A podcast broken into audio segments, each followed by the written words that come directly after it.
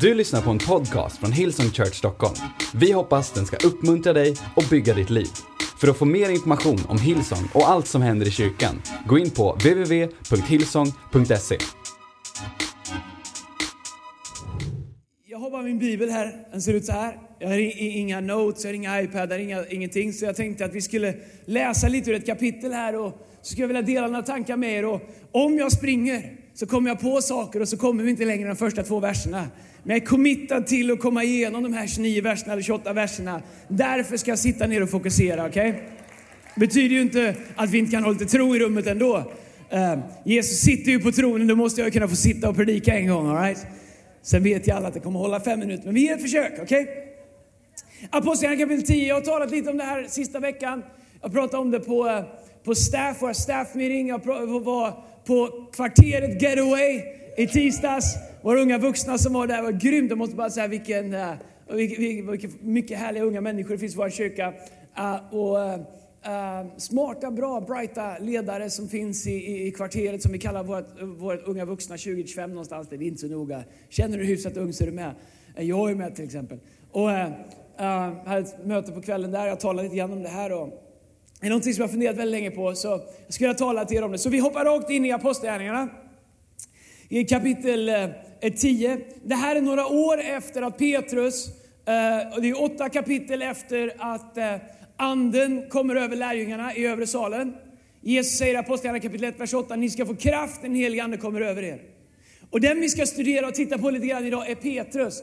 Petrus, jag älskar Petrus. Petrus ger mig alltid hopp. Han är Eh, katastrof, han är inte rekryterbar, han passar inte in i mallen. Han är definitivt ingen person som har ett, har liksom, have it all together. Han har inte rätt bakgrund, han har gjort många fel. Eh, men ändå så verkar Gud aldrig sluta vilja använda honom. Så varenda gång jag känner med att eh, Gud har du verkligen tänkt rätt så läser jag lite om Petrus. Jag tänker jag åtminstone bättre än Petrus. Så det kan du också göra om du behöver uppmuntra dig själv någon dag. Kan du tänka jag är bättre än Petrus. Och, och det är alltid något. Men några kapitel senare, i kapitel 10, så äh, får Petrus sin syn. Därför att Gud vill visa Petrus att Gud är intresserad av att evangelium ska komma till alla människor. Och skulle jag sätta upp den här storyn så skulle jag göra det på det här sättet att Petrus har några år, eh, några år tidigare förnekat Jesus. Ni vet jag pratade om det, eh, jag predikade om det, jag tror att det var på påsk kan det ha varit. Eh, det är ofta då man pratar om korsfästelsen. Att Petrus i ett ögonblick när Jesus behöver honom som mest det står att tuppen gol tre gånger och då kom Petrus på vad Jesus hade sagt att Petrus du ska förneka mig tre gånger innan tuppen gal. Och så förnekar Petrus Jesus tre gånger och tuppen gal. I det ögonblicket så får, Jesus, får Petrus ögonkontakt med Jesus som är en bit bort. Tillfångatagen, sönderslagen. De har dratt på honom törnekronan. Och Petrus har precis svurit och förbannat och övergivit Jesus när Jesus behövde honom som mest. Vilket failure. Även om man bara, några, bara lite innan hade sagt till Jesus, om, även om alla överger dig så kommer jag aldrig överge dig.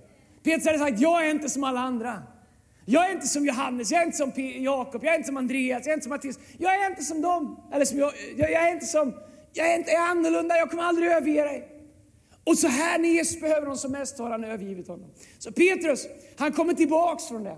Får möta Jesus, Jesus kommer till honom, han blir upprättad och nu är han all in för Gud och han är den som Gud använder för att föra det här kärleksbudskapet vidare till hela världen. Det är bara ett problem. Att Petrus sitter fast i det här mindsetet. Att evangelium, de goda nyheterna om att Gud älskar alla människor. Petrus tror att det bara gäller judarna. Så Petrus han diskriminerar nästan hela världen. Han är fokuserad på att ta evangelium, ta de här goda nyheterna, ta berättelsen om Jesus, ta nåd, ta förlåtelse, ta upprättelse, ta en ny början. Till bara judarna. Men han är full on med det. Han är, han är hängiven, han är inte rädd, han står upp inför dem som hade korsfäst Jesus och sa, denne man som ni korsfäste, han var verkligen Guds son. Alltså tidigare så hade en liten tjej fått honom att förneka Jesus, nu är han så frimodig, fylld av den helige Ande, att han står upp frimodigt. Men han är fortfarande fast i sitt sinne och tänker att evangelium, det är bara för judar. Så i kapitel 10 så vill Gud få Petrus att förstå. Och här är viktigt för dig att veta. Gud vill få, Pe- vad heter, vad heter den här predikan? Vad sa jag att den hette? Har vi någon titel eller? Kanske vi inte David, vad, vad sa jag att den hette? Det har jag aldrig gjort. Just det, det har jag aldrig gjort. Uh, sorry. Uh, men det är sant, det har jag aldrig gjort. Så Petrus, han har ett möte med Gud, så vi hoppar in här. Anyway. Eh, 10, Apostlagärningarna 10, vers 1. I Caesarea fanns en man som hette Cornelius och som var officer vid italienska bataljonen.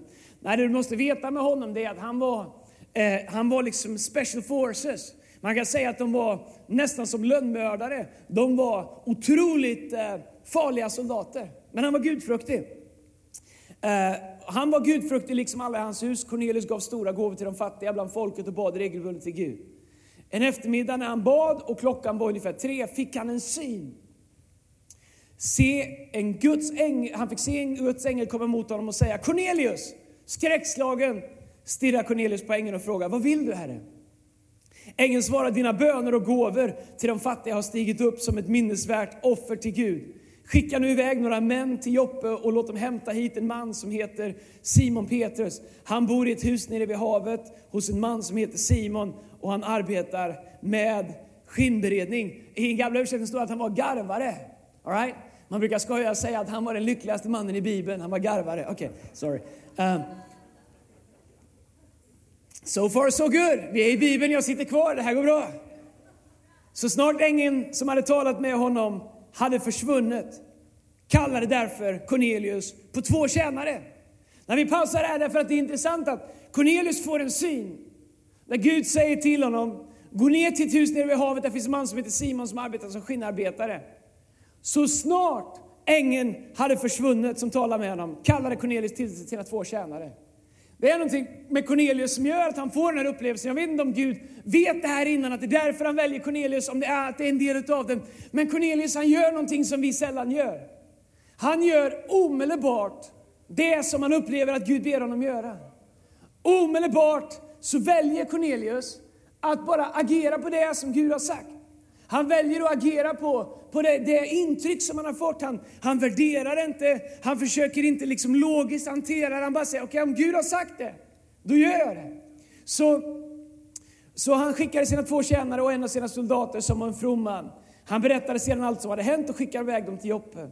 Nästa dag vid middagstiden närmade sig männen Joppe och samtidigt gick Petrus upp på husets takterrass för att be. Han blev hungrig och ville ha något att äta, men medan maten gjordes i ordning fick han se en syn. Okay? Så han får se en syn. Gamla översättningen använder ordet hänryckning. Hänryckning betyder förflyttning av sinnet. Nej, jag tycker det är väldigt intressant därför att uh, när vi tänker hänryckning så tänker vi att han kommer i någon slags, jag vet inte, han i någon slags trans liksom och ögonvitorna liksom snurras bak som han i rullstol på Game of Thrones och, och man ser ingenting och, och han kommer i någon slags... Men det som händer är att han får en, för, han får liksom en förflyttning, a shift of mind. Vilket är någonting som du inte behöver hamna i trans för att få. Allt du behöver ha är en konversation med Gud. Det, det som händer är att Petrus i bön. Och helt plötsligt när han ber så börjar Gud förflytta hans sinne. Gud börjar, det är nästan tänkt att du har en satellit som är riktad häråt som ska ta emot någonting. Men Gud tar din satellit och han, han skiftar den hit. Du söker efter någonting men du, du, kan, du kan inte liksom få tag i det du behöver. Du får inte dina svar, du hör inte. Men Gud ger dig en slags hänryckning, en shift of mind, en förflyttning av sinnet. Så han tar din mottagarsatellit och så drar han den hit och helt plötsligt så kan du börja uppfatta och höra och se saker som har funnits hela tiden. Men du behövde shift of mind, du behövde en hänryckning. Så när vi läser hänryckning så tänk inte bara att han liksom åkte upp i någon slags tredje himmel och någonstans där du aldrig kan komma, utan Gud kan sätta dig i hänryckning. Gud kan förflytta ditt sinne så saker som blockerar dig, oförlåtenhet, förutfattade meningar, meningar fördomar, eh, aggression, hat, bitterhet, whatever. Gud kan ge dig hänryckning, Gud kan ge dig en förflyttning av sinnet så att du helt plötsligt börjar bli mottaglig. Men när sker det här? Det sker när Petrus säger bön. Så vi ser att bön är vägen in till att Gud faktiskt kan göra saker i oss som gör att vi nu kan börja höra och få det som vi letar efter. Så bön är inte bara, kära Gud hjälp mig, hoppas allt är bra, amen. Utan det Petrus gör är att han spenderar tid med Gud. Jag vet inte hur han ber. Man ber tyst eller högt, man kan tänka sig att Petrus ber högt, han är en sån typ av person. Johannes var en annan typ av person. Det står om Johannes, han tyckte om att lägga sitt huvud på Jesu bröst. Han var mjukare. Vi kallar dem creatives här i kyrkan. All right. Uh, eller det, ja, vi kallar dem inte venue control, okay? de är mer Petrus. Men så Petrus, jag vet inte om han bad stormigt, jag vet inte om han var höger, jag vet inte om han gick fram och tillbaka. Det finns inget rätt sätt att be. Men det finns inget fel sätt att be heller. Men det som är, skulle vara rätt sätt att be, det är att du ber på ett sånt sätt så att det inte bara handlar om att du ska, så att du ska liksom spotta ur dig allt till Gud. Utan att det först och främst handlar om att Gud har en möjlighet att ge dig en hänryckning så att du kan förflytta ditt sinne så att Gud kan tala till dig. Så bön handlar minst lika mycket om att Gud vill prata med dig som att du ska prata med Gud. Ibland tror vi liksom att nu har jag gjort mina två timmar. Käre Gud, jag ber. Åh Azerbajdzjan, Tjeckoslovakien, de finns inte längre. Tjeckien, Slovakien, eh, Bukarest, Herre, tänk på Bukarest också. Och mina barn, och Leksand, och trösta djurgårdarna nu när de har det så jobbigt. Och, och sen så har vi gått här fram och tillbaka och säger, Käre gode Gud, kom ihåg allt det här. Amen. Så frågar han, vad var det du bad för? Inte en aning. Så det Petrus gör är att han är med Gud på ett sånt sätt. Det där var bara en liknelse, jag sitter fortfarande och predikar. Det, det Petrus gör är att han är med Gud på ett sånt sätt så att han faktiskt kan uppfatta att Gud vill prata med honom. Ibland kan det ta lite tid. Inte för att Gud är sen att tala, Bibeln säger att Gud inte är trög att tala. Utan för att vi är sena att lyssna. För att vi ofta behöver en hänryckning. För att vi ofta behöver en förflyttning av sinnet. Ibland har jag funderat på mitt eget liv. Hur många hinder, om jag tänker som en hinderbana, måste Gud hoppa över för att nå fram? Hoppa över mina behov, hoppa över mina, Eh, min önskelista som jag har till Gud, hoppa över mina orättvisor som jag bär på, om jag tycker att människor runt omkring mig inte behandlar mig på rätt sätt. Mina sak, människor jag kanske är arga eller besvikna på, eller eh, mina förutfattade liksom, eh, preconceived ideas av hur saker borde vara. Och Gud bara, kan du bara beta dig igenom alla dina saker så jag kan få säga något snart? Och jag sitter jag orkar inte mer. Gud, inte jag heller. Vi bryter. Men tänk om bön är mer. Jag säger inte att du inte får göra allt det där med Gud. Gör det. Får göra vad du vill med Gud. Bara var med det. Allt är bättre än inget. Men tänk om bön är mer. Tänk om bön handlar mer om eh, en hänryckning, en förflyttning av sinnet. Där Gud får ta oss till en plats där han får lyfta oss ur vår liksom vardag. Varför är det så viktigt att be? Därför att bön handlar om att vi kommer ut ur våra liksom ekorrhjul. Vi har två hamstrar hemma, fråga mig inte varför. De bidrar inte med någonting. Det jag kommer ifrån så är hamstrar skadedjur. Alltså det är sånt man ringer till Anticimex från. De är utomhus, de är inte, men nu har vi dem hemma inuti. Jag har ju funderat på, nej jag har inte gjort, men jag, jag vet att de, de står lite för nära ett öppet fönster så eller om Spike skulle... Eller, men vi har två hamstrar. Så här är problemet med hamstrarna. De säger att de vill ha hamstrar bara, men de bryr sig inte om de där hamstrarna. Få tjata på dem om att städa hos de där hamstrarna. Det var roligt första veckan, jätteroligt. De hade namn, de fick Instagramkonto. De fick, nu är det bara, förstår du? Nu ska jag inte bara tjata om att de ska städa sina rum, nu ska de städa hamsterburarna också. Och jag får inte säga den där hamsten för de har namn, de heter Luna och Bianca. Okej? Okay? Personligheter också har de tydligen. Tydligen så är de värdefulla, viktiga, eh, intelligenta djur. Så intelligenta att de spenderar hela nätter med att springa i ett hjul. Briljant! Problemet med de där hjulen är att de gnisslar. Och jag har smort dem med allt från silikon till smörjfett till lagerfett. Jag tänkte, det går inte att få tyst på hjulen. Så nu är mitt jobb att gå och bära ut de där, de där hamstrarna från deras rum, för de kan inte sova när de där hjulen går och, och ställa dem i tvättstugan, i förråd, i överallt. Sen ska de tillbaks, för de trivs inte med att vara själva. Och, och ska tillbaks. Och man kan ju ta ur hjulet, ja det kan man göra, men får de inte springa av sig så blir de helt tokiga och bits och allt möjligt. Så, så vi har hamstrar.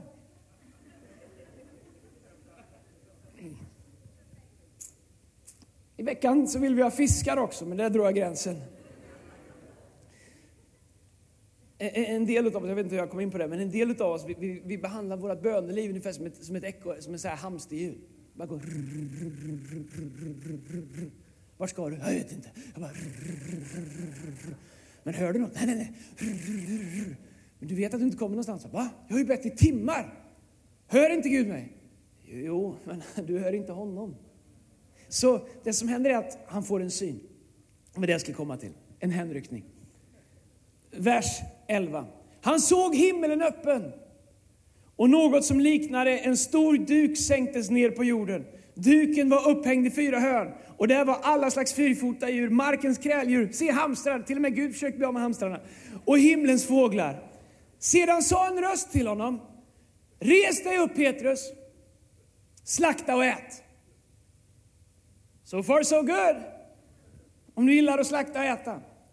Men nu, den här Petrus som hittills har varit med Gud, börjar läxa upp Gud. Ungefär som vi gör. När Gud inte gör så som vi tycker, eller Gud välsignar någon som vi inte tycker om. Är inte det det värsta som finns? Ah? Gud, när Gud välsignar någon som du inte ens gillar. Nej, du har ju ingen sån som du inte gillar, men det har jag. Och ibland så välsignar Gud dem. Och jag tror att Gud gör det ibland bara för att visa mig att jag inte har med det att göra. Men det som händer är att Gud säger till Petrus, Petrus res dig upp, du har bett klart. Va? Är jag klar? Japp! Yep. Res dig upp, slakta och ät. Men Petrus comeback är, nej, aldrig Herre, svarar Petrus. Samma Petrus som sa, om så alla överger er kommer jag inte göra. Han är snabb Petrus. Nej, svarar Petrus. Jag har aldrig ätit något som är oheligt eller orent. Jag tänker, hur kommer man till det faktum att det här, är, det, här är en, det här är en konversation som jag vinner mot Gud?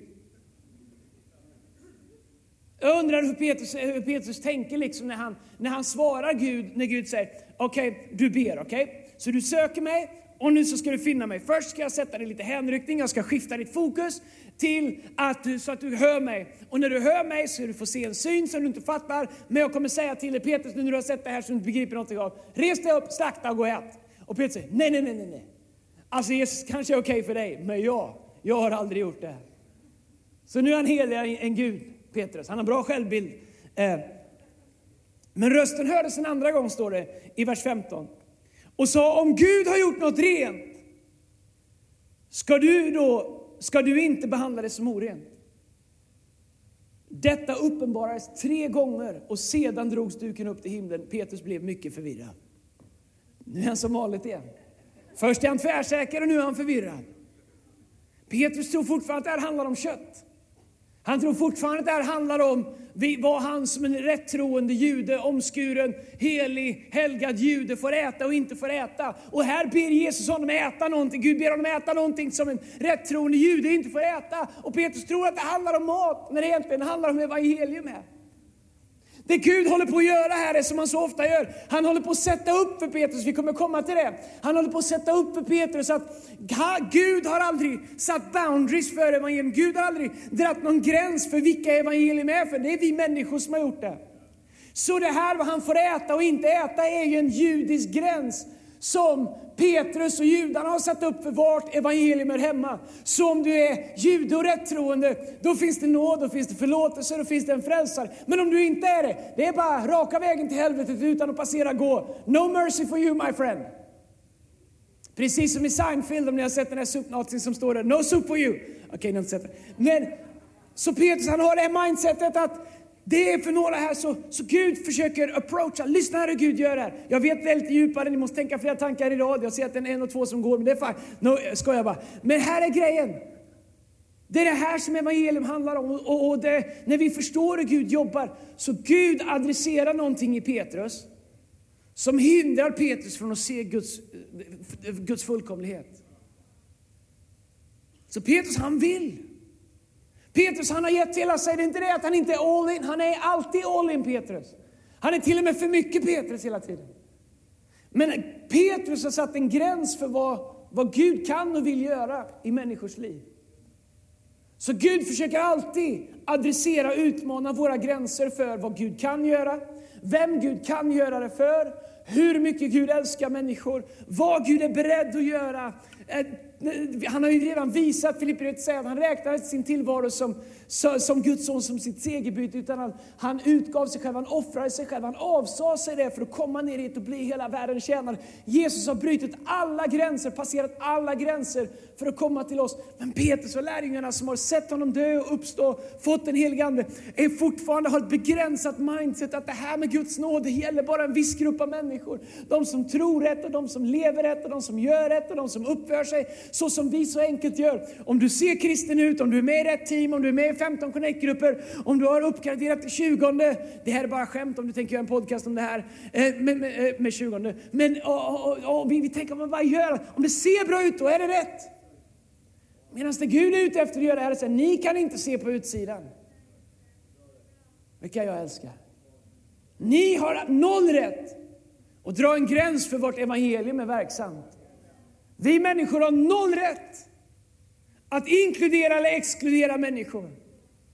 Johannes 3.6 säger, ty så älskar Gud hela världen, den här världen, att han gav den sin son. Men det har inte lärjungarna fattat än, så de är all in men fortfarande begränsade. Så det är det som Gud försöker göra. Så han börjar prata om kött. Kött som Petrus vet, om jag äter det, då är jag inte rätt troende längre. Och här kommer Gud och säger, synda! Det är inte det han säger, men Petrus tror att han säger det. För han tror att det är synd att äta det här köttet. Så nu är Petrus förvirrad. Och så står det, vad kunde synen betyda? Men i samma stund kom de män som Cornelius hade sänt. Kolla hur Gud arbetar. Så Gud börjar jobba i Cornelius, ger honom en, en syn, talar till honom. Cornelius sänder ut män för att gå till Petrus, för att Gud säger att det finns en man som heter Petrus, gå till honom. Okej? Okay? Efter det har skett, då börjar Petrus be. Så lagom till att Cornelius män kommer så håller Petrus på att be. Men medan Petrus ber så ger Gud honom en syn. Kolla, Gud orkestrerar allting, ger honom en syn. Hur Gud orkestrerar allting. Men jag kan bara säga en sak om Petrus som jag tycker är fascinerande, om vi ska ge honom lite cred, jag skäller på honom mycket. Men det står om Petrus att samtidigt som han gick upp på husets takterrass, om vi hoppar tillbaka till den här versen, vers 9, för att be, så blev han hungrig och ville ha något att äta. Det är ju rimligt, eller hur? Så känner jag jämt. Jag är alltid hungrig, jag fattar inte vad det är. Alltid hungrig, kanske har mask, jag vet inte. Men han blir hungrig. Så han går och säger, jag behöver mat. Okej? Okay? Så står det, medan maten gjordes i ordning, så fortsatte han att be. Jag tänker på hur Gud är. Så Petrus tänker, ja men maten tar en halvtimme, men jag ber lite till. Han fick inte synen när han var i bön innan, han fick synen när han bara, ja men medan jag ändå väntar på maten så kan jag be lite. Det var där som Gud började tala till honom. Och när jag läste det så tänkte jag, underskatta inte den där bönen på tunnelbanan. När du bara har tio minuter och tänker, jag kan ju, jag kan ju gå igenom mitt Instagramflöde. Eller så kan jag bara ta tio minuter och be. Du behöver inte ställa dig upp och skrika på tunnelbanan, helst inte, ha inga Hillsongkläder på dig om du gör det. Eller när du sitter i drive-inen till McDonalds, eller när du sitter på Arlanda och väntar på en flygplats. Eller när du, när du sitter och väntar på att dina unga någonsin ska somna, eller whatever. Det jag ser är att Petrus får det här mötet, det här tilltalet från Gud i en vardaglig situation där han bara tar lite mer tid. Jag tänker, men jag ber lite till. Och det där, jag undrar hur många gånger Gud har velat tala till mig när jag har slarvat bort vardagliga opportunities och bara få ett möte med Gud därför att jag har inte ramat in det genom så superandliga förtecken. Och du som känner, jag vet inte riktigt hur man ber och jag har inga fina ord. Det är kanon! Bara sitt och var tyst en stund på tunnelbanan. Faktum är, om vi bara satt tysta lite mer skulle våra böneliv gå till en helt ny level. Jag lovar dig. Om du bestämde dig för att vara tyst lika mycket som du pratar när du ber. Om du bara bestämmer dig 50-50. 50-50 utgjuta mina behov för Herren, det säger han, kungör era önskningar inför mig. Men 50 också, bara sitta och lyssna. Säga tala Herre din tjänare över. Så Petrus han, han, han är eh, de kommer här, vi är i vers 18, eh, de är, vi, är, vi är någon vers här. Vad kunde synen betyda? Men i samma stund de kom till sina, som männen kom, som Cornelius hade sänt. De frågade sig fram till huset och stod utanför porten och ropade. Är det här Simon? Han som kallas Petrus? Är det här han bor? Petrus var fortfarande upptagen med att grubbla över synen. När anden sa till honom, tre män är här och söker dig. Gå ner och följ med dem. Tveka inte, för jag har sänt dem. Kolla här, vad gör Petrus då? Då gick Petrus ner och mötte dem. Det är någonting med Petrus dysfunktionalitet vad det gäller att, att vara liksom snabb med Gud, som han kompenserar med att vara snabb med att lyda Gud. Och när jag läser det här så inser jag att det kanske finns massa saker jag inte fattar med Gud, men om jag bestämmer mig för att vara snabb med att göra det Gud ber mig göra, vare sig jag fattar det inte. Så ser jag här att det kommer leda mig till det som jag inte förstår. Det kommer leda mig in i uppenbarelse, leda mig till att jag börjar förstå allt det här som Gud orkestrerar, som jag inte förstår. För när jag tittar på det Gud gör genom mina förutfattade meningar, genom mina glasögon, så it doesn't make sense. Och I värsta fall, eller ganska ofta, så gör det mig passiv, för jag förstår inte. Men det Petrus har till sin fördel, oj vad klockan går fort. Det Petrus har till sin fördel här, är att han är snabb med att göra det Gud säger. Ha? Så mycket saker som inte funkar hos honom. Ändå så är det som att Gud väljer honom om och om igen. Därför Bibeln säger lydnad är bättre än offer. Så han gör det. Så det står, gå ner och följ dem. Då gick Petrus ner och mötte dem och sa, jag är den som ni söker. Är det något särskilt ni vill? Då berättar de för honom, vi, har hittat, vi är hitskickade officeren Cornelius. Han är rättfärdig och gudfruktig, alla judar talar gott om honom. Nu har den helige ängel sagt till honom att skicka efter dig så att han kan få reda på vad du har sagt vad du har att säga rättare sagt. Petrus bjöd in dem och lät dem stanna där över natten. Nästa dag tog han sedan med sig några troende från Joppe och följde med de männen. Dagen därpå kom de fram till Caesarea där Cornelius väntade på dem. Han hade samlat dit sina släktingar och närmsta vänner. Och när Petrus steg in i huset mötte Cornelius honom och föll ner framför huset och tillbad. Men Petrus drog upp honom och sa, eh, res dig upp. Jag är en vanlig människa precis som du.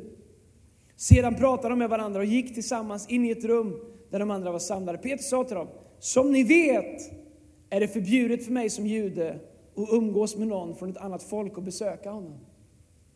Men Gud har visat mig att jag aldrig ska nedvärdera en annan människa och anse henne som oren. Därför följde jag med utan att protestera när ni skickade efter mig. Säg mig nu vad det är ni vill.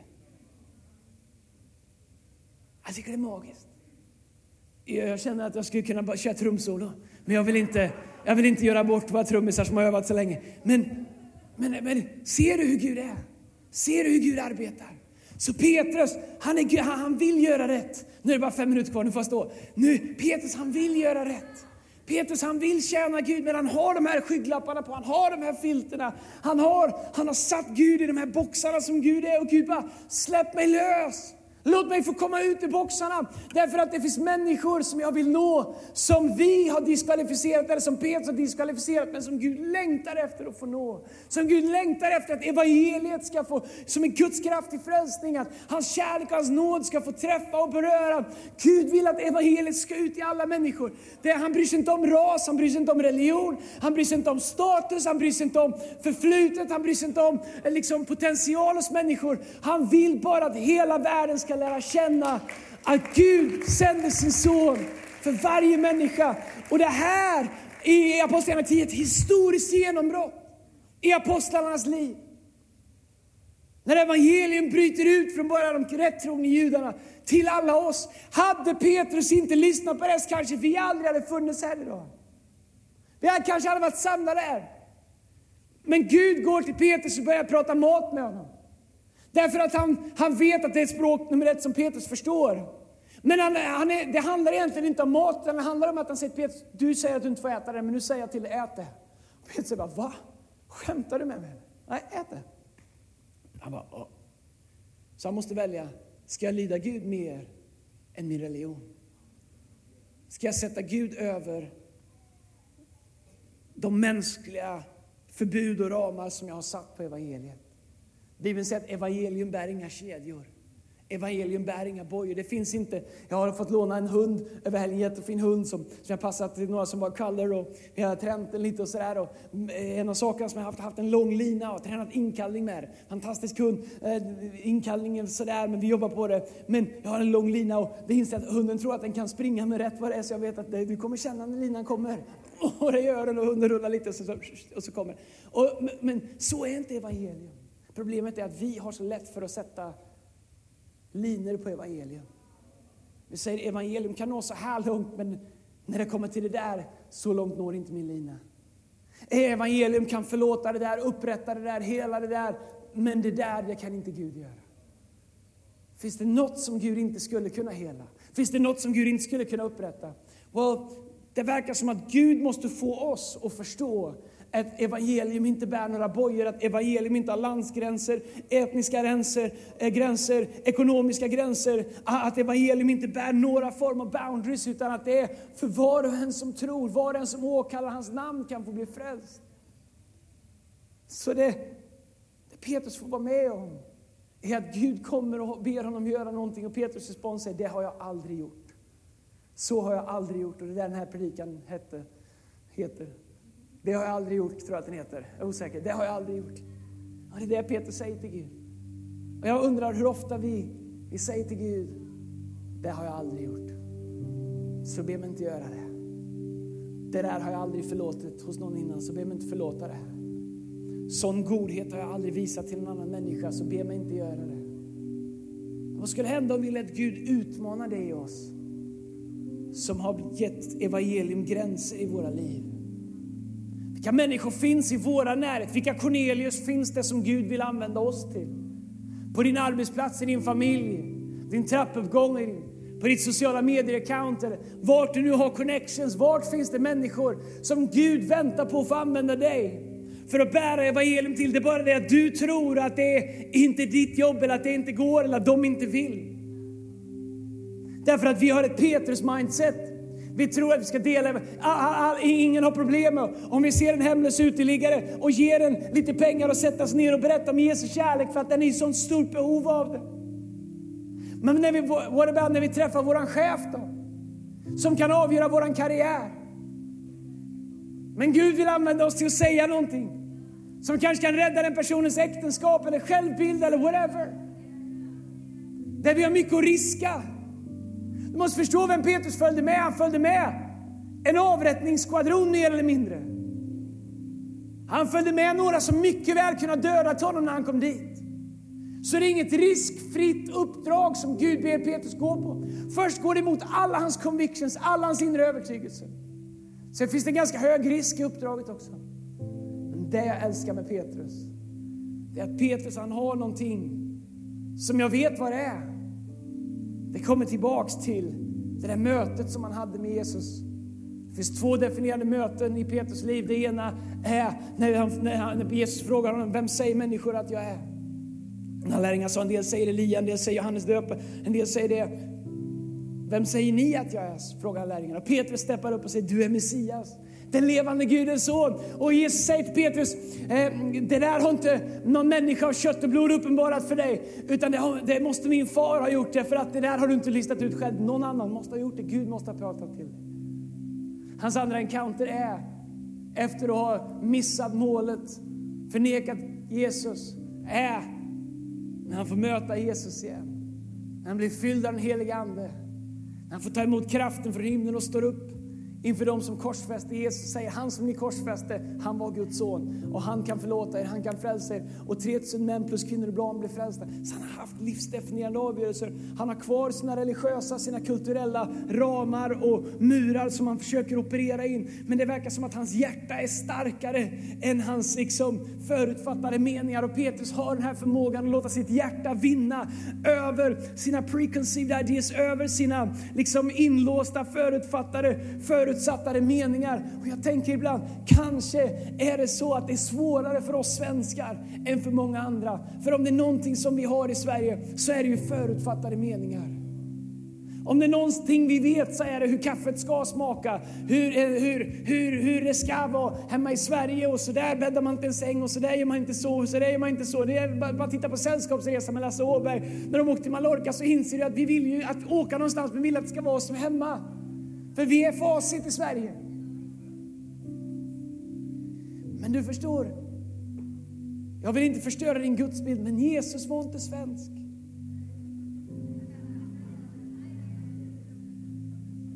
Det står i Bibeln att Gud han har liksom långt vitt hår eller som, som eld. Och, så han kanske ser ut som jag gjorde när jag var 20 år och hade långt hår. I don't know. Men äh, när man kunde kamma bakåt. Tänk om Gud vill göra något i dig tar sig igenom dina förutfattade meningar. Vad ska vi göra åt det? Vi ska komma i hänryckning. Vi ska ha ett, en förflyttning av våra sinnen. Ett skifte av våran satellit. Så vi kan höra Gud.